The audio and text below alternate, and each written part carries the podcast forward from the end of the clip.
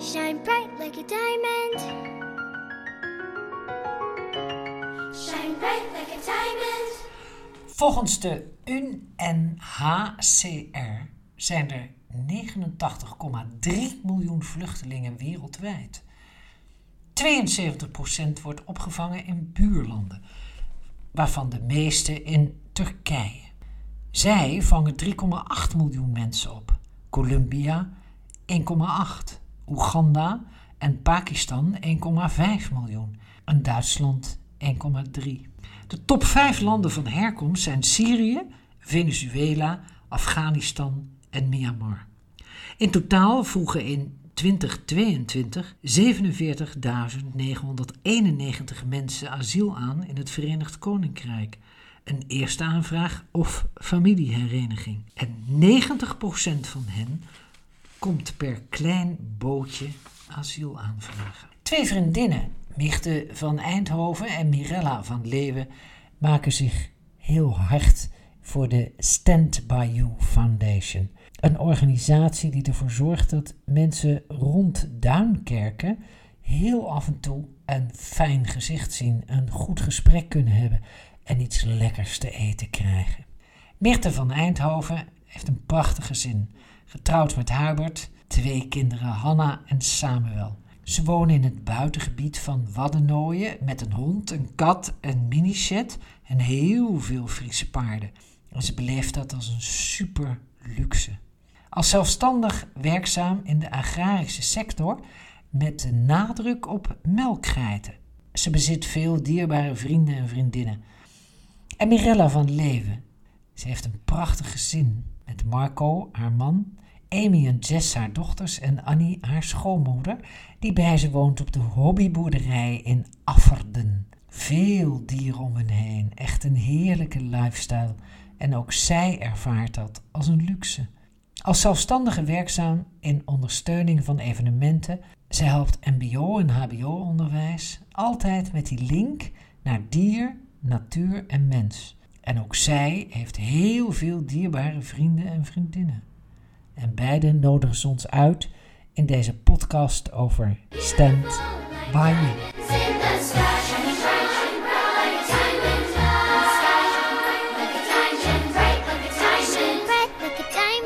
Ja, hier aan tafel zitten Mirella en Mirte. En wij gaan het hebben over. Vertel het zelf maar. Ja, wij gaan in mei iets heel bijzonders doen. Eh, wij gaan eh, samen naar Duinkerken. En dat wordt een bijzondere reis. Het wordt geen eh, gezellig eh, weekendje weg met elkaar. Eh, nee, we gaan niet naar de sauna.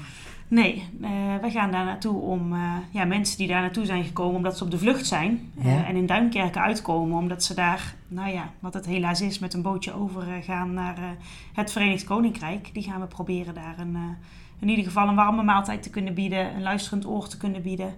Hopelijk kunnen we iets betekenen voor kinderen die daar zijn met een eh, even iets anders, een spelletje. Eh, ja, en die mensen zich hopelijk op dat moment een beetje mens laten voelen. En eh ja, Mirte is er al eerder geweest, Mirte. En daardoor eh, mij geïnspireerd om mee te gaan. Ja, ja ik ben in, in augustus afgelopen jaar ben ik geweest. Dat was voor mij de eerste keer. En in mei wordt de tweede keer. En ja, ik, ik dacht hoe mooi is het als, als je een vriendin mee kunt nemen. Dus ik heb Mirella gevraagd. En ja, die was eigenlijk meteen enthousiast om mee te gaan. Ik vond het ergens ook wel lastig om te vragen. Omdat het ook wel een heftige ervaring is. Maar goed, ja, ik, ik ga zelf ook een tweede keer. Omdat ik het eh, toch ook wel als heel fijn heb ervaren dat je echt iets voor een ander kunt betekenen. En eh, ja, dat, dat wilde ik heel erg graag. En nou ja, super fijn dat Mirella meegaat. En eh, nou ja, in dit geval zelfs nog een vriendin en, en mijn- mijn moeder, die gaat in mij ook mee. Dat vind ik ook nog wel Ja, spannend. dat is wel heel bijzonder, hè? Maar dat is heel bijzonder. En eh, ja, het is ook wel heel fijn om te kunnen delen. En gaan jullie daar dan met z'n vieren naartoe of vanuit een bepaalde organisatie? Ja, we gaan daar naartoe vanuit een bepaalde organisatie inderdaad. En dat is de Stand By You Foundation. Dat is een Nederlandse stichting die al jarenlang eh, een, nu, nu Duinkerken daarvoor op een andere plek eh, hulpverlening biedt aan, eh, eh, ja, aan mensen die op de vlucht zijn. Op een manier om voedsel te brengen, maar ook een stukje eenvoudige medische zorg. maar ook een schone onderbroek, droge sokken. En een spelletje. En natuurlijk, ja, misschien nog wel bijna het belangrijkste, ook dat luisterende oor. Om met mensen toch ook in gesprek te kunnen komen die behoefte hebben om een verhaal te doen. En zich op die manier ja, toch weer wat meer mens voelen dan, eh, dan voorheen. Want dat is wel wat ik zo terug heb gehoord van de verhalen van Mirte, maar ook van eh, andere mensen die geweest zijn. Dat dat ook wel hetgeen is wat mensen het meest bijblijft van een Ja. ontmoeting met de Stand By You Foundation. eh, En, in Du- Duinkerke. en Duinkerken vlakbij. Want Ja. je bent er zo. Ja, je hebt het opgezocht, Mirte, hè? Ja, ik heb het opgezocht. Waar we nu zitten? Vanaf, ja, exact vanaf waar we nu zitten, 236 kilometer. Het is helemaal niks. Het is helemaal Je niks. stapt in de auto en... en dan moeten ze nog een heel klein stukje, want ik begreep van jullie dat die mensen in Duinkerk specifiek met die bootjes oversteken naar Engeland. Ja, eerder staken ze vaak over vanuit Calais.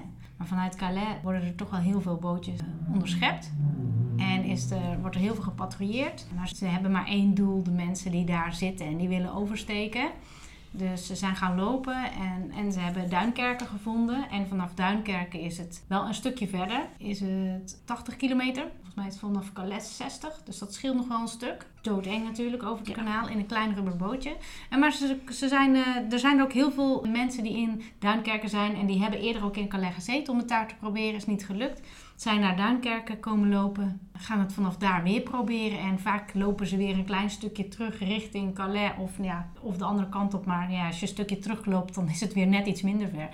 Hebben ze met een smokkelaar iets eh En, afgesproken. en hoe, la- hoe lang zitten die mensen gemiddeld in dat Duinkerken, in dat eh, kamp, laat ik het zo even noemen? Ja, dat, dat verschilt enorm. Er zijn eh, vanuit eh, de stichting, vanuit Stem by You, zijn er wel gevallen zeg maar, dat, dat, dat ze mensen soms wel maanden hebben gezien. Die ze iedere keer dan weer tegenkomen. Over het algemeen proberen de gezinnen die in Duinkerken komen, die proberen wel meteen over te steken. Dus, eh, dus dan is dat, komen ze begin van het weekend aan. En dan in dat weekend proberen ze wel ergens de oversteek te maken. Of begin van de week. Dus dat zijn een aantal nachten. Maar die, die mensen eh, kunnen natuurlijk niet via Travel You een bootje reserveren aan dat strand. Hoe gaat dat? Wie, wie regelt die boten? Ja, dat is eh, helaas het werk van die mensensmokkelaars. En daar wordt eh, door die mensen die op de vlucht zijn heel veel geld voor neergeteld. Nou, daar wordt soms thuis ook alles voor verkocht om te zorgen dat ze geld hebben om dat te kunnen bekostigen. En die smokkelaars die regelen een bootje. En dan moet je niet voorstellen dat dat een, een bootje is waarmee je veilig zomaar eventjes eh, daar het kanaal over kunt varen. Maar dat dat eigenlijk meer een, eh een rooibootje is waarvan wij eh, als we gaan zwemmen op het meer een rondje varen. En daar worden ze met veel te veel ingezet. En voor veel geld dus in ruil ja, krijgen ze zo'n bootje. En is het succes. En ja, Die, misschien kant, kom je er en misschien ook niet. ja, die kant moet je uit. Die Ja. kant moet je uit. Als je geluk hebt, krijg je dat misschien nog net mee. Maar eh, het- wat ik van jou hoorde, is het, eh, ja, komt er soms ook echt wel een stukje dwang bij kijken. En natuurlijk een hoop geld Ja. wat ze afgetroggeld wordt. En ehm, ja, die smokkelaars zijn dus een soort van reisbureaus eh, eh, die er in die landen actief zijn om mensen die op de vlucht zijn, eh, ja, een soort van te ondersteunen. Maar ja, het is maar net hoe je het interpreteert. Hè? Want het is eigenlijk, het, als ik het goed beluister, het eind van de reis. Duinkerken is de laatste oversteek en dan zijn ze in Engeland, het beloofde land.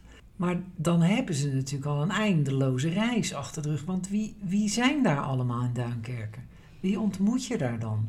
Ja, dat is ontzettend divers. Er lopen Afrikanen zijn er, Soedanezen, Eritreërs, eh, maar ook Irakezen, mensen uit Iran, mensen uit Afghanistan, Syrië, Pakistan, eh, Albanië. En dan ben ik vast nog niet helemaal compleet. Het is dus heel erg divers wat je ziet. En je ziet uit, uit Afrika zijn het vaak wel jonge mannen eh, die vooruit zijn gestuurd. Om, ja, thuis ook omdat het uitzichtloos is. En ze geld moeten verdienen voor de familie. Die gaan proberen om het eh, te halen. En ja, de reden naar Engeland is omdat daar de kans op, op een eh, verblijfsvergunning het grootst is. En ze gaan voor de grootste kans. En nou klinkt het alsof dat ze enorm eh, zich erop hebben voorbereid. Maar ja, als je daar bent en je hoort de verhalen, en zeker ook wel de verhalen van de gezinnen, die mensen die zijn toch ook wel heel erg geschrokken en heel angstig waar ze in terecht zijn gekomen. Maar die zien ook geen keus. En via elkaar allemaal ja, horen ze waar je de meeste kans hebt. Horen ze natuurlijk ook wel vooral de verhalen van mensen die het, die het halen en die, die er kunnen blijven. En Ja. Ja, die denken, nou, wij willen ook een toekomst. Ja, net als, net als wij allemaal. Dus, Ja, ja, dus ze gaan gewoon op zoek naar een toekomst. En ze denken, nou, daar is eigenlijk de enige plek. Want ze, heel veel mensen die daar zitten geloven dat ook vast. Dat alleen daar kun je een toekomst krijgen. En daarom is het ook zo bizar. Want juist die mensen die met kinderen zijn, dat, dat zijn niet de meeste, maar hè, die kom je er ook nog ongelooflijk veel tegen. Daarvan weet je ook 100% zeker dat ze in het bootje gaan. Eerder lukte het nog best wel eens mensen om met een vrachtwagen of toch nog in de ferry te komen. Illegaal. Eh, Maar die bewaking is zo streng en moet je nagaan als je twee, drie, vier kinderen onder de tien hebt, waarvan ze misschien nog niet eens allemaal kunnen lopen. Ja, daar kun je natuurlijk niet onder een vrachtwagen gaan hangen. Dus dan is er ook maar één optie en dat ze in een bootje gaan zitten. En dat geeft wel aan hoe ongelooflijk wanhopig die mensen zijn. Want die mensen die staan ook gewoon, ja, sommigen daar echt letterlijke dood, doodsangsten uit. En ik vind dat zelf ook heel erg moeilijk om dat, om dat daar te zien.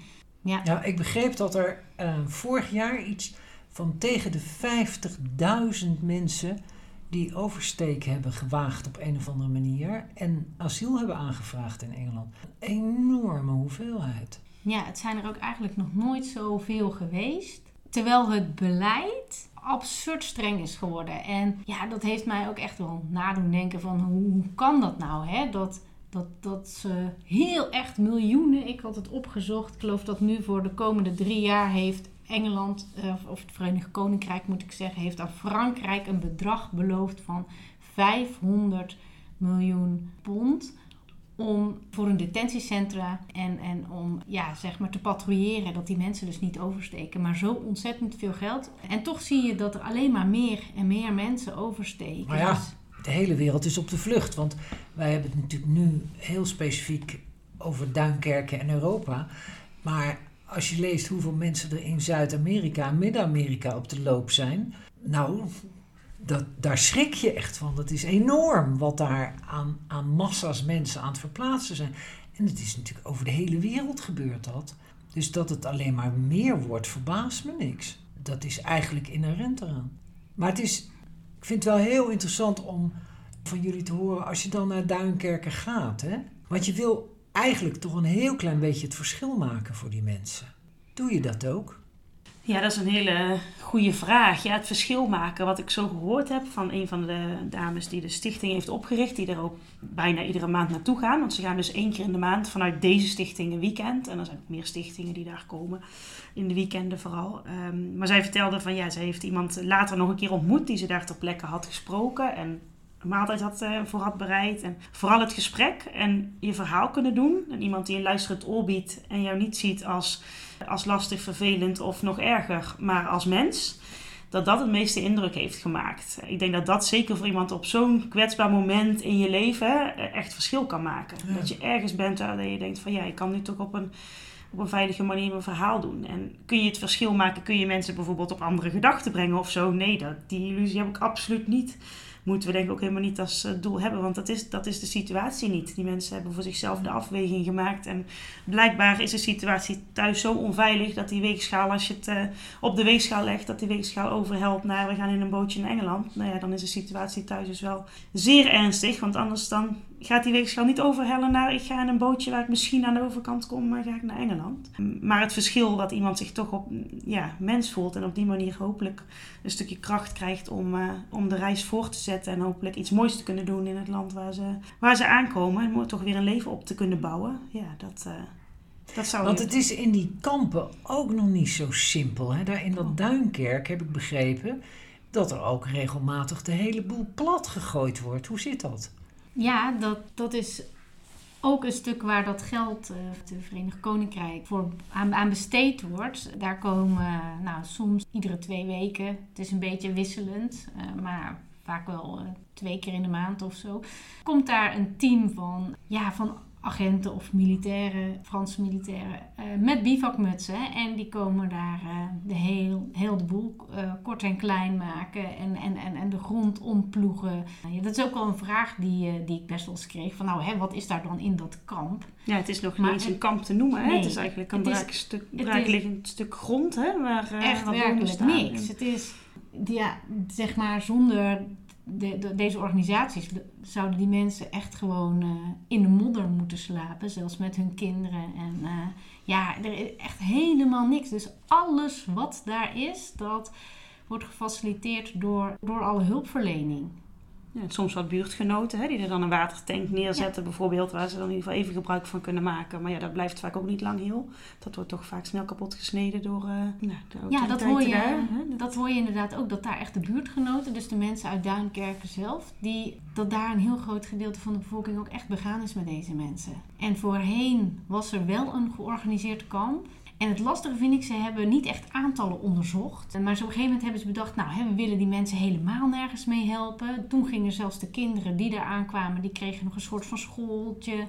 Hè, dus die werden echt nog opgevangen op, op een kindvriendelijke, nou ja, hè, voor zover dat kan manier. En ze hebben op de een of andere manier bedacht dat dat misschien mensen lokt. Terwijl er dus nu veel meer mensen komen. Dus nou ja, als je naar de aantallen kijkt, eh, is dat dus gewoon helemaal eh, niet waar. Maar het een heeft niks met het ander te maken. Mensen zijn op de loop. Ja. En het feit dat het aanzuigt, hè, dat er meer bij komen, heeft natuurlijk niks te maken met het feit dat ze daar de boelkorting klein slaan. Dat zijn hele andere Nee, processen. die precies. Nee, en, en dat, is, dat is echt ook wat, wat iedereen die, die ook maar deze mens eh, helpt of, of die er echt mee te maken heeft gehad en, en hè, dus daar enigszins eh, wat meer van weet dan, nou ja, dan, dan de gemiddelde persoon zeg maar, achter een bureau, om het zo maar te zeggen. Ja, die is daar ook echt van overtuigd. Het maakt helemaal niks uit. Je maakt alleen voor de mensen in kwestie maakt het heel veel wat uit. Eh, maar het idee dat je een soort van afschrikkend beleid kan voeren, ja, dat doet helemaal niks met de vluchtelingenstroom. Wel met de smokkelaars. Want die worden daar, nou ja, hun verdienmodel eh, is daarvoor een stuk op afgestemd. En dan doen we allemaal oh oh, hè. En dan moeten we die smokkelaars harder, harder straffen. Maar in zekere zin eh, heb ik wel eens het idee dat we, ja, ik zeg we, wie is we? Ja, dat is ook heel moeilijk. Maar dat het gefaciliteerd wordt. In welke zin? Mensen hebben, die op de vlucht zijn, hebben geen andere uitweg meer. Dus die worden eigenlijk richting in de handen van smokkelaars gedreven. En Dat alle zijn andere uitwegen die er misschien waren, die, die ze ook konden kiezen, die, die worden juist begrensd, beveiligd, onmogelijk gemaakt. Ja. Het is een heel tegengesteld gebeuren. Hè? Aan de ene kant zijn de overheden ervan overtuigd dat we die vluchtelingenstroom moeten stoppen. Zijn, zijn heel veel mensen vinden dat ook. Tot je er naartoe gaat, het ziet en denkt, ja, ik zou. Ik denk dat ook heel veel weldenkende mensen ervan overtuigd zijn dat als jij het thuis heel slecht hebt, en dan bedoel ik slecht door, nou ja, dat er oorlog is, dat er overstromingen zijn, dat er vervolging is. Hè? In die zin slecht. Dan ga je ook. Dan pak je je gezin op en dan ga je lopen. Daar ben ik van overtuigd dat iedereen ten diepste dat wel vindt. Dus het is iets heel tegenstrijdigs wat er gebeurt in zo'n. En dan zien jullie het heel kleinschalig in dat Duinkerken. Klopt. Ja. Dingen daar helemaal kapot worden gemaakt. Ja. Terwijl die mensen er toch zitten. Ja, en dat er zoveel geïnvesteerd wordt om dus dingen kapot te maken en eh, mensen weg te jagen en eh, nog erger. Het is wel heel bizar. Hè? Dat je, Ja. Kun je het ook omdraaien en kun je misschien ook geld investeren om mensen te kunnen helpen. En daardoor misschien ja, een toekomst te geven wat eh, voor iedereen zinniger is hè, dan, dan dit. Ja, Ja. tuurlijk. En we lossen het allemaal hier helemaal niet op. En dat is ook helemaal niet de intentie van waarom we gaan. Maar het is wel heel bizar als je er verder induikt. Als je er eens eh, op gaat googlen en dan gaat zoeken van wat die stichting doet. Maar ook als je daar wat verder op gaat zoeken van waarom gaan die mensen dan dus inderdaad allemaal naar het Verenigd Koninkrijk. Wat is dan de, de oorzaak en wat, waar is het Verenigd Koninkrijk nu mee bezig in, eh, in samenwerking met Frankrijk. Ja, wat is dat voor samenwerking om het samen ervoor te zorgen dat, eh, dat we die mensen vooral tegenhouden en vooral wegduwen. Ja, wat lost het dan op in, eh, in de rest van de Nou ja, wereld? we hebben natuurlijk Ja. zelf in Ter Apel ook wel een dingetje. Hè? Met alle vluchtelingen die zich daar melden. En die, nou ja, waar zelfs niet eens een slaapplek voor is. Dus wat dat dan gaat, merken we ook wel dat overal die stromingen op gang zijn. En mensen de, de weg zoeken om ergens te komen. Maar ik wil even terug naar Duinkerken. Want jij bent er geweest, Meerte. Ja. En je hebt daar heel veel meegemaakt. Neem ons eens mee in dat verhaal. Nou, een, een voorbeeld eh, waar ik toch nog best wel vaak aan moet denken, is, en voor mij misschien ook wel in die zin de meest moeilijke of emotionele, of hoe ik moet zeggen, is een meisje van acht jaar, eh, Lia. Ze was eh, Koerdisch en zij kwam gewoon naar mij toe. Ja, zij kwam eigenlijk alles vragen. Nou, ze sprak echt eh, nou, bijna vloeiend Engels. Hè? Dat denk ik dat menig achtjarige daar toch wel jaloers op zou zijn. En haar vader en moeder, die zag ik eerst niet, maar later op een afstandje. Ze had nog twee, twee broertjes. Maar zij deed het gesprek. En zij was zeg maar degene die moest proberen om, nou ja, toch nog iets te regelen voor het, voor het gezin. En het mooie, of ja, het heel bijzondere van alles, was ze kwam eigenlijk vooral één ding doen toen ze merkte dat, ja, dat, wij, zeg maar, dat wij veilige mensen waren en dat wij ze niks aan wilden doen. Eh, want denk maar dat die kinderen ook wel een trauma hebben opgelopen van alle mensen die wel ze wat aan willen doen. En ze kwam maar gewoon om een knuffel vragen. Ja. Ja, en dat is echt wel heftig. Een meisje van acht die, die gewoon al weet en dat zelfs uitspreekt dat zij er helemaal niet mag zijn. Ja, dat is bizar. Ja. Ja. En op een gegeven moment, toen ik, ik had allemaal foto's, ja, ik, ja, ik had toch wel foto's gemaakt. Ook van, eh, ik vroeg ook aan mensen van, maken ze een foto als ik er een knuffel geef. En ik zat later, keek ik op die foto en toen dacht ik, verdraaid. Ze had gewoon op de broek, had ze staan, never give up. De volgende dag was ze er nog steeds. En, eh, en toen vroeg ik, weet je wat er op je broek staat? Want het is ook echt niet zo dat die kinderen dus iedere dag andere kleren aan hebben. Sterker nog, ze had een dun shirtje aan en ze kwam ze kwam zeggen dat ze het eigenlijk heel koud had gehad die, die nacht. En hadden we misschien iets warmers voor haar. En, en dat had ze zelf helemaal niet gezien. Het enige wat ze, waar ze over klaagde was ja, dat die broek eigenlijk toch al te groot was. Ik zei, ja, maar kijk eens wat erop staat. Ja, en acht jaar en ze kon het lezen. En ze wist ook heel goed wat, eh, wat erop stond. En toen vond ze de broek toch eigenlijk wel heel mooi. Ja. Ja, dat vond ik ook wel een heel ontroerend moment. Je zei iets heel specifieks in jouw verhaal. Dat ze de volgende dag er nog was. Ja, Want ja, net vertelde je, ze vertrekken zomaar hè, in de nacht. Ja, ja, en misschien hadden ze dat ook geprobeerd. Nou, was dit meisje kon nog best wel praten. Je ziet ook echt kinderen die zo, zeker van die leeftijd, ook al kunnen ze goed Engels, dat ze toch zo bang zijn dat ze bijna niks meer kunnen vertellen. Maar ik vond het zelf misschien te moeilijk om te vragen of dat ze het hadden geprobeerd s'nachts. Want het kan heel goed zijn dat ze, dat ze de poging hadden gedaan, maar dat er toch een patrouilleboot was langsgekomen of iets dergelijks. En dat het ze niet was gelukt. Ja, en, en, en dat is ook zo bizar. Niemand weet of dat ze veilig is overgekomen. Je hoort er nooit meer iets van, denk ik. Nee. Nou ja, ik denk in bijna alle gevallen dat je iemand daar ontmoet en dat je nooit weet hoe het verhaal verder gaat. Ze zijn niet geregistreerd. Ja, als ze, als ze omkomen en als dat verhaal bekend wordt. Dat zijn eigenlijk de, me- de mensen waar je het meest van weet. Ja, Maar heel veel mensen die omkomen, die verdwijnen. Ja. Nou, dat weten we niet. Dat weet eigenlijk niemand. Want die mensen worden natuurlijk ook niet geregistreerd of geteld. Of, Nee, je wordt niet geteld voordat je in zo'n Eh, boot stapt. Precies, Nee. ja. Nee. Maar jij vertelde wel over een eh, gezin wat ehm, dus is omgekomen. En waar dus een, een verhaal door is ontstaan. Hè, door mensen die hen ontmoet hebben onderweg. Hè? Ja, dat is een twee jaar geleden of tweeënhalf jaar geleden. Het was in, eh, in 2020, oktober. Begin oktober, nee, ah, ja, het was eind, oktober moet ik zeggen. Dat was een gezin, vader en een moeder uit uh, Koerdisch waren ze, uit Iran. En eh, die hadden twee zoontjes, de jongste was anderhalf. Een zoontje van zes en een dochter van, eh, van negen. En, en het jongste kindje heet Artin. Nou ja, voor, voor degenen die luisteren en die geïnteresseerd zijn, het he, die, die zijn omgekomen als hele gezin. En op dat moment, dat, dat, is voor mij echt de trigger geweest, dat, dat, dat gezin. En, en dat ik echt wat ging lezen hè, over Duinkerken. Want ja, hoe kom je er anders achter? Nou, mijn vader die lag toen op zijn sterfbed. En nou, dat, dat verhaal dat kwam langs. En ik dacht, wacht even. Uh, Duinkerken, dat is hier echt heel erg dichtbij. En omgekomen op het kanaal. Omdat dit gezin is omgekomen, hebben ook echt hulpverleners, zeg maar. Hè, en, en ja, vrijwilligers die in Duinkerken hadden gewerkt. Nou, dat gezin was hun ontzettend opgevallen.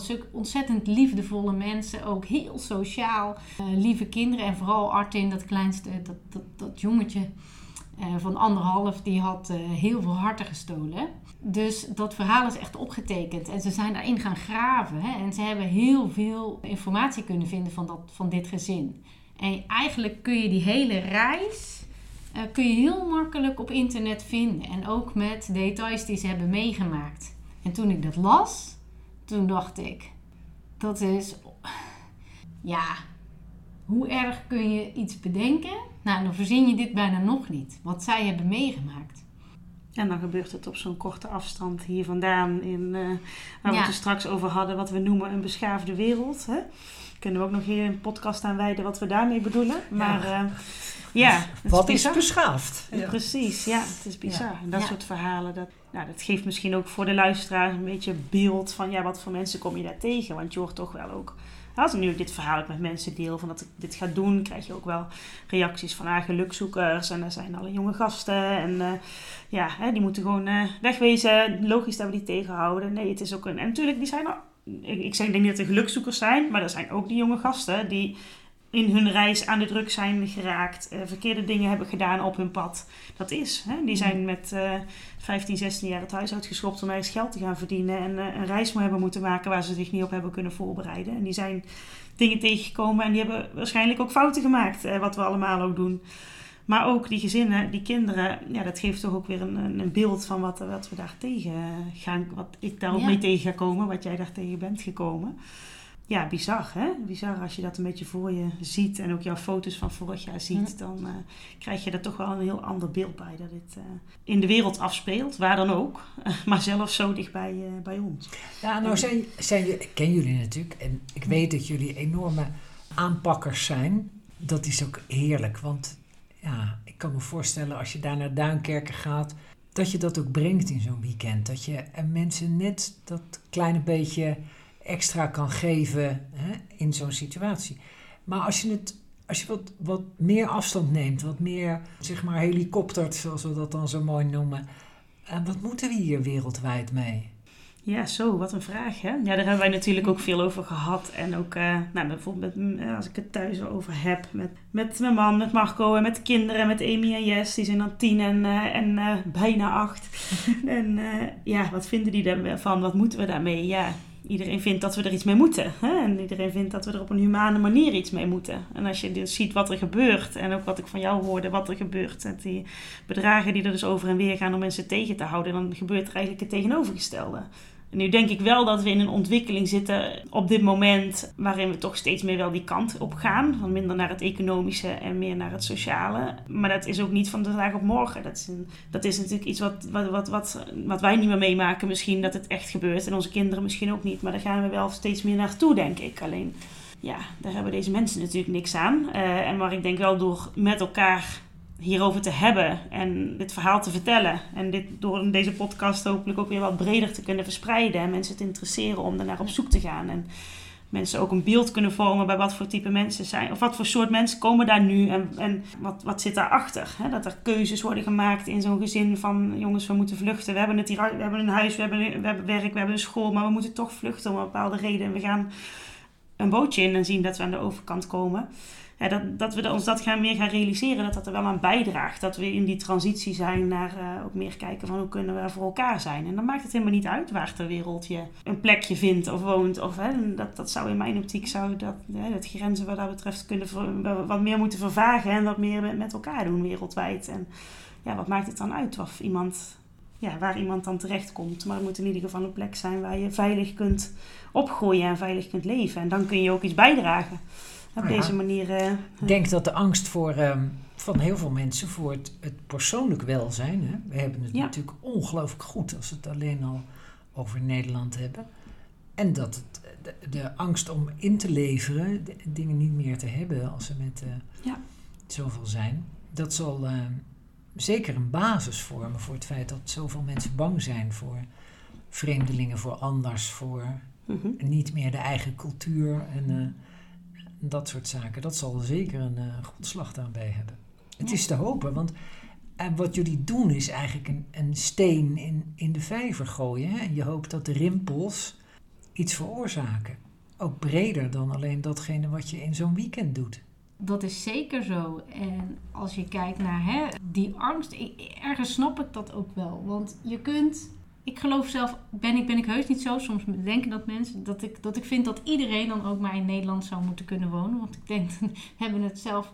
Het is al best wel lastig om, om hier de boel eh, allemaal goed lopend eh, te hebben. Aan de andere kant, wat je nu ziet, het, zeg maar, het afschrikbeleid. En dat mensen, zeg maar, waar ze ze moeten, eh, bijvoorbeeld als ze in Nederland een asielaanvraag willen doen, dan moeten ze zich als in Nederland melden. Dan moet dat, dat het eerste land zijn. Dus, dus daarmee creëer je al gewoon al soort van noodzaak om enorm eh, onder de radar eh, te leven een heel stuk. Als, je, als, je, als je vlucht. En wat die mensen in die tijd allemaal doormaken, dat, is, dat is zo ingewikkeld en traumatisch als wij dan hier ook nog van ze willen verwachten dat ze hier dus mee gaan draaien in de samenleving en dat ze zich, uh, hè, dus, dus, dus dat ze een waardevolle bijdrage gaan geven, dan denk ik dat we best wel een beetje naïef zijn. Want als je als zelf, hè, iedereen met een trauma, kan niet zo functioneren als dat je dat minder hebt. En oké, ze kunnen dat misschien van het thuisland ook hebben, maar deze mensen geven al zoveel, die gaan echt nooit meer bedenken dat ze weer terug naar hun thuisland willen. Want die hebben zo'n ontzettend groot offer gebracht. En, hè, en, en over dat economische stuk, ik vraag me daarom dus ook ongelooflijk af. En ik, ik denk ook echt dat, hè, of dat nou de manier, het beleid wat, wat nu gewoon ook in Europa en, en wat Verenigd Koninkrijk nahoudt, of dat dat uiteindelijk financieel ook voor onszelf het meest bijdraagt je hebt in ieder geval, hè, als je sociaal kijkt, ja, er gaan mensen, er gaan, zeg maar, die krijgen, daar is het traumatischer voor als, die, die gaan gewoon stuk aan, hè, de vluchtelingen. En, maar wat het aan de andere kant oplevert, ja, ik heb het idee dat we onszelf eigenlijk alleen maar ook misschien economisch wel in de vingers snijden. Maar dat is natuurlijk heel moeilijk, Ja. hoe het precies zit. In ieder geval wat je, wat beeld wat nu, ons, nu aan de hand is, kunnen we in ieder geval zien dat de acties die er in het recent verleden zijn gedaan geen effect hebben. Want Ja, de stroomvluchtelingen neemt, neemt toe. Dat hè? kun je wel zeggen. ja, hoeveel geld wil je er tegenaan gooien om mensen te ontmoedigen om te komen, terwijl je toch wel weet dat ze toch wel komen. Ja, dat is de vraag. Of moet, ja, zou je daar, als we, eh, als we daarin mee mogen sparren wereldwijd, bij wijze van spreken, ook eens heel, helemaal met een andere blik naar willen kijken. Hè? Van wat Ja. kun je inzetten aan middelen om ervoor te zorgen dat, dat mensen die het nodig hebben wel een stukje zorg krijgen, op welke manier dan ook. En misschien dan, wat jij net al aangeeft, als de mogelijkheid er is, wel makkelijker ook terug kunnen naar eh, hun. Want dat, dat is natuurlijk, als het enigszins kan, hetgene wat de mensen het liefste zouden willen eh, in veel gevallen. Terug naar huis. terug naar huis. Ja, Ja, maar we maken het ook met het sy- systeem wat er nu is. Tuurlijk, ze hebben thuis ook familie. Ja, Ja. precies. Dus eh, het is helemaal niet zo dat ze een hekelen per definitie hebben aan, aan een thuisland. Nee, nee, maar goed. De, er is iets oorzaak- gebeurd waarom Er we is moeten. iets gebeurd waardoor ze... Ja. Ja, precies. Ik ga toch weer even terug naar Duinkerk. Ja. Ja. Als jullie daar naartoe gaan, wat, wat ga je dan doen? Ik bedoel, je rijdt daar met een auto, ik begreep helemaal vol, maar vol met wat? En wat ga je dan doen? Zal ik vertellen wat Ja, ik weet? Dan kun ja, jij aanvullen met jouw ervaring. Want ik heb natuurlijk eh, de, de gids helemaal doorgelezen die we nu eh, Ja, van de week zeker. toegestuurd hebben gekregen. En zo. En misschien wel En, eh, de vorige keer gehoord dat ik had gemopperd over het volproppen van mijn auto en dat eigenlijk niet paste. Ja, er gaat dus zoveel mogelijk mee. En wat gaat er allemaal mee? Nou, sowieso ingrediënten voor een aantal maaltijden. En daarvoor om een beetje beeld aan te geven, hebben ze eigenlijk twee recepten die ze eigenlijk altijd klaarmaken. En eh, ze proberen altijd broodjes hamburger te maken met groenten erbij en fruit. En eh, op zondagochtend volgens mij is het eh, een platbrood met eh, of roerbak-ei of eh, vooral veel groenten ook daarbij. wat ze in ieder geval een voedzame maaltijd is. En er gaat zoveel mogelijk fruit mee om eh, te kunnen uitdelen. Drinken, koffie, thee. Dat, eh, dat in ieder geval aan eh, wat we aan ingrediënten ofwel vragen ofwel kopen. Iedereen die wil, die mag natuurlijk ook ingrediënten schenken die we mee kunnen nemen. Maar dan is het dus wel aan, uit dat ingrediëntenlijstje wat we zoeken. Omdat dat maaltijden zijn die we daar ook goed kunnen bereiden. Er is materiaal om iets te bereiden en dat moet natuurlijk goed gebeuren. En daarnaast ja, proberen we die mensen dus eh, te voorzien van in ieder geval wat schone kleding. Nee, dan natuurlijk schone onderbroek altijd heel fijn, droge sokken. Kleding voor kinderen, die hoeven echt niet nieuw te zijn, maar wel iets wat je wel met een fijn gevoel weg kunt geven. Daarnaast eh, slaapzakken eh, is heel fijn. En die hoeven ook niet nieuw te zijn, maar ook daarbij, hè, we moeten ze wel met een goed gevoel weg kunnen geven. We zoeken geen dekbedden of kussens, maar echt slaapzakken. En eh, zeilen, eh, om dus ergens ja, tussen bomen of struiken iets af te kunnen schermen als het slecht weer is.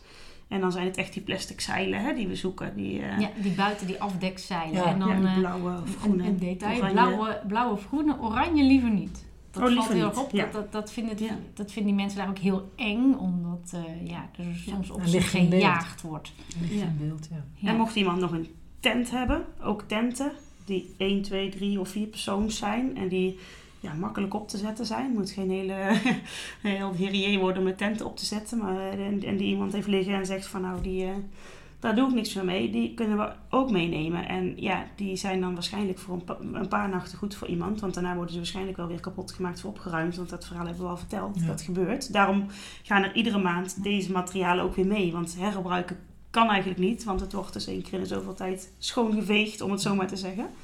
Eh, dus iedere maand eh, zoeken we deze materialen weer om mee te nemen. En heb je geen materialen, dan eh, is doneren natuurlijk ook een mogelijkheid. Want we hebben altijd geld nodig om de reis eh, te bekostigen. Nou, wij bekostigen zelf onze eigen kosten sowieso. Onze overnachting daar, want we overnachten daar in de buurt. Maar om, eh, ja, om spulletjes te kunnen kopen die op die lijst van ingrediënten staan. Daarvoor eh, is ook geld nodig. En om de stichting, eh, bijvoorbeeld het busje van de stichting. Hè? Ze hebben Ja, een busje wat zoveel mogelijk mee kan. Nou ja, dat, om dat onderhoud en, en de kosten daarvan te bekostigen. En diesel. Diesel. Diesel voor de generator. Ja, oh ja, Want, eh, er gaat altijd een generator mee. Dat is eh, heel leuk als je, of, ja, heel leuk. Als je aankomt, is dat het eerste wat er gebeurt. Eh, ze wachten ook al, al op je en dan gaat de generator naar buiten. En dan allemaal van die planken met stopcontacten erop. Stopcontacten erop. En dan worden de telefoons opgeladen van die mensen. En dat is voor die mensen de manier om, eh, ja, met name ook met, met, met familie en zo contact te houden. En helaas met de smokkelaars ook. Hè? ja, Dus, ja, ook. Dus dat. En het is, eh, hè, nou ja, Pam, zei al, eh, ik ken jullie als aanpakkers. Nou, dat moet je ook wel eh, een beetje zijn als je meegaat. Want even 500 eh, broodjes hamburger bakken, bakken aan één stuk door. Nou, ik kan wel zeggen van de laatste keer...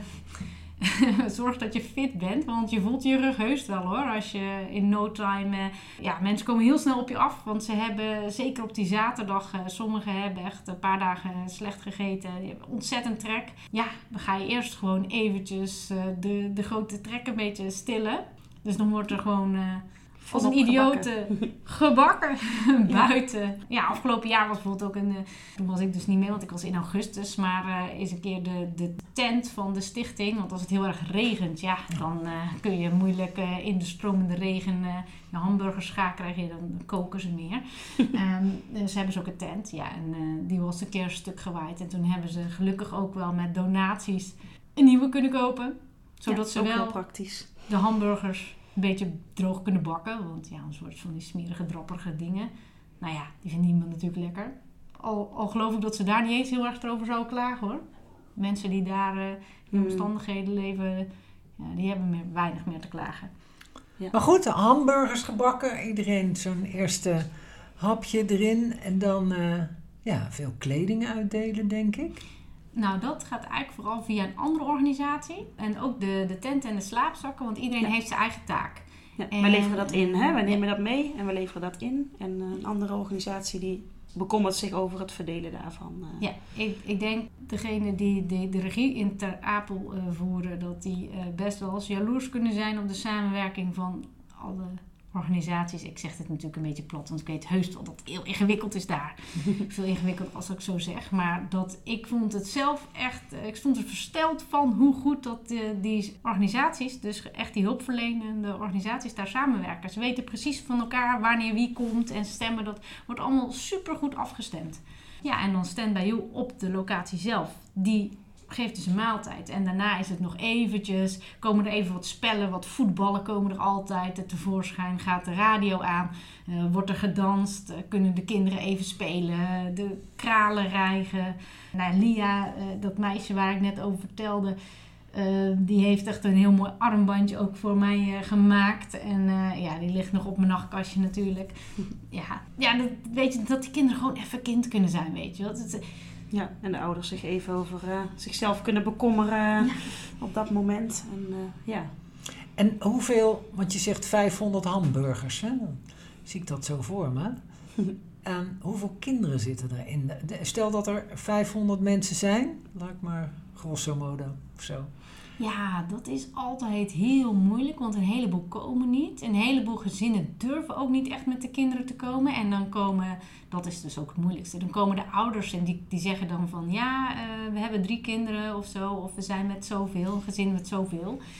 En eh, die krijgen voor, voorrang bij het eten, eten uitdelen. En dan moet je soms wel heel streng zijn, want iedereen die probeert natuurlijk te zeggen dat hij een gezin heeft. Dus in die zin eh, is het ook handig als je hè, een klein beetje streng kunt zijn en zeggen: hup, terug in de rij, achter in de rij, schiet je hebt helemaal geen kinderen. Maar soms weet je dat natuurlijk niet. En sommige, die, ja, zoals die Lia, die werd dan vooruitgestuurd. En ja, hoeveel zien we er? Ik denk dat toen ik in augustus daar was, want het is wel heel wisselend met kinderen, ik denk dat ik een stuk of 30, 40 kinderen heb gezien. Dat is best wel veel. Maar die komen ook echt niet allemaal, durven die echt eh, naar ons toe te komen. Dus daar zijn het vaak ook wel ouders of de grotere broers van. Maar er zijn best wat kinderen in totaal. En niet alleen in augustus, maar ook in februari afgelopen jaar en in januari. Dus eh, dat vond ik ook wel weer, eh, nu ik ze wat meer volg natuurlijk, wel, oh, daar krijg je ook wel weer buikpijn van. Als je dan s'avonds, uh, voordat je naar bed gaat, een keer zo'n berichtje opent dat ze er op dat moment weer zijn. En dat je dan op de foto's ook in die temperaturen en in de regen en de sneeuw en de kou net zo goed hè, gezinnen Ja. met kinderen ziet. Of een moeder met vier kinderen die dan daar ook in die eh, temperaturen verblijft. Ja, dan ga je niet zo heel lekker slapen. Nee, dan niet. En die dan zes Ja. uur lang in een bootje gaan zitten met een temperatuur van 2 graden. Waarvan ik me dan afvraag van hoeveel kinderen kunnen dat überhaupt overleven. Ja. Ja. Je raakt best snel onderkoeld. En dat doe je niet zomaar, hè? Dat is met de, het gelukzoekers wat je in je achterhoofd dan houdt. Van ja, in hoeverre ben je gelukzoeker als je daar met je vier kinderen in een bootje zit eh, met, min, met eh, twee graden gevoelstel. En hoe ver is het leuk om dat te doen? Nou, Nou, ja. de- we hebben het er iedere keer komt het terug, hè? Die, die smokkelaars die dat regelen. Kan daar nou niet tegen opgetreden worden? Kunnen die niet gevangen worden? Kunnen die niet. Kan daar niks mee? Want er, zijn, er moeten er heel veel zijn. Of niet? Ja, aan de ene kant, wat dan? Hè? Natuurlijk doen ze inderdaad, eh, wat ze doen is heel erg. Aan de andere kant is het voor die mensen dus, omdat we alle andere wegen onmogelijk gemaakt worden, Ja. de enige kans om naar de andere kant te komen. Dus het is is wel heel dubbel. Hè? En natuurlijk eh, kun je nooit goedkeuren wat die mensen doen. Hè? Men- Ze betalen, ik weet niet wat voor bedragen dat zijn, helemaal niet. Maar ik heb wel begrepen dat mensen dus huis en haard verkopen thuis om Dat te kunnen, kunnen betalen. Ja. En zonder geld eh, verder dus aankomen. Maar dus ook geen geld hebben om onderweg, eh, als ze de kans zouden hebben, iets te eten of te drinken te kopen. Want eh, al het Ja. geld wat ze hebben gaan, gaan naar die smokkelaars toe. Maar aan de andere kant is het voor die mensen de enige kans om echt te komen. Want alle andere mogelijkheden die zijn om, worden onmogelijk gemaakt. Of ze worden weggejaagd, weggestuurd, gevangen en ergens weer, we- weer uitgezet, om het zo maar te zeggen. Ja, bizar genoeg. Hè? Ja. Ja, ja ik, vraag, ik vraag me dat ook heel, heel erg af. Ik denk soms als men echt zou willen, ja, en je zou die mensen volgen, ja, dan vind je ook, eh, nou in ieder geval de loopjongens van de smokkelaars vind je dan. Of dat je de smokkelaars zelf vindt, maar ik denk ook dat het een... mm, ja. Het is ook wereldwijd. Ja, hè? het is wereldwijd. Ze zijn overal, want je hoort natuurlijk al die verhalen ook van Griekenland en van Italië en van Noord-Afrika en overal. Want Ze zitten natuurlijk, het is, het is, een, eh, Ja. Het is een behoorlijk beroep hoor. Ja, want Ja. ze zijn, ja, en, en, en ze worden dus als nodig gezien. En zolang ze Ja. nodig blijven, Ja. zullen ze... En, en, en, En het is heel lucratief waarschijnlijk Ja. voor. Hè? Die, eh, Dat denk ik ook. Ja. Maar ja, net wat je zegt, moet je daar iets tegen doen? Ja, natuurlijk. In basis zeg ik ook, dat, dat moet niet kunnen. Daar moeten we iets tegen doen. Maar dan aan de andere kant moet er dan gelijktijdig wel... eh, moeten we nadenken over een andere oplossing voor het probleem. Hè? Dat, Ja. ja. ja, als, Ja. we, als we het probleem anders kunnen, kunnen aanvliegen... dan zijn de smokkelaars niet Ja. meer nodig, zeg maar. Ja. Nou, jullie gaan in mei hè, naar Duinkerken, toch? klopt. En jullie hebben natuurlijk spullen nodig en vooral geld. En als je nou eens heel duidelijk zegt waar dat naartoe moet, dat is belangrijk. Ja, het is eh, dus de Stand By You Foundation. En eh, dat is een stichting met een ambi-status. Dus mocht je een schenking willen doen, dan kan het ook eh, belastingvrij als het voor je van toepassing is. Ze hebben een bankrekeningnummer. Ik zal het een keer opnoemen, maar we gaan ook Ik zo schrijf het erbij, communiceren. Maar het is in ieder geval NL88 INGB 000 8203472. En daar mag je bij zetten dat het voor de missie van mei is. En dan mag je zelfs ook, als je dat wil, onze namen bij vermelden. Dan zien ze ook eh, dat, eh, dat we hier een bijdrage op deze manier eh, aan hebben kunnen verlenen. En eh, wij gaan het derde weekend van mei die kant op. Hè, vrijdag Ja. heen, zondag in de loop van de, of in het begin van de middag, als Ja. we daar klaar zijn, dan eh, gaan we weer terug. En eh, ja, we hopen van harte dat we veel materialen mee kunnen nemen. Eh, Dat we afzonderlijk moeten rijden omdat de auto's volgeladen moeten worden. Dan Ja, rijden we achter elkaar die kant op. Maar we hopen ook van harte dat we een, een, een bijdrage in de vorm van, van geld kunnen, kunnen doen. Om te zorgen dat de stichting daarbij ook het werk kan blijven doen wat ze doen voor zolang het nodig is. Hè? Dat, eh, Ik denk dat het heel belangrijk is dat er mensen zijn die anderen laten zien dat ze er wel degelijk toe doen.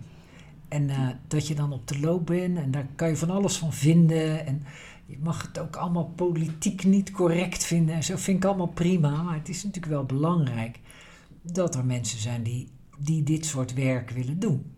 Dat Ja. is echt voor andere mensen een opsteker, een, eh, een fijn gevoel. Zoals Ja. jij heel mooi vertelde in eh, de verhalen. Dus eh, ik hoop dat jullie er een hele goede tijd zullen hebben. Dankjewel. Dankjewel.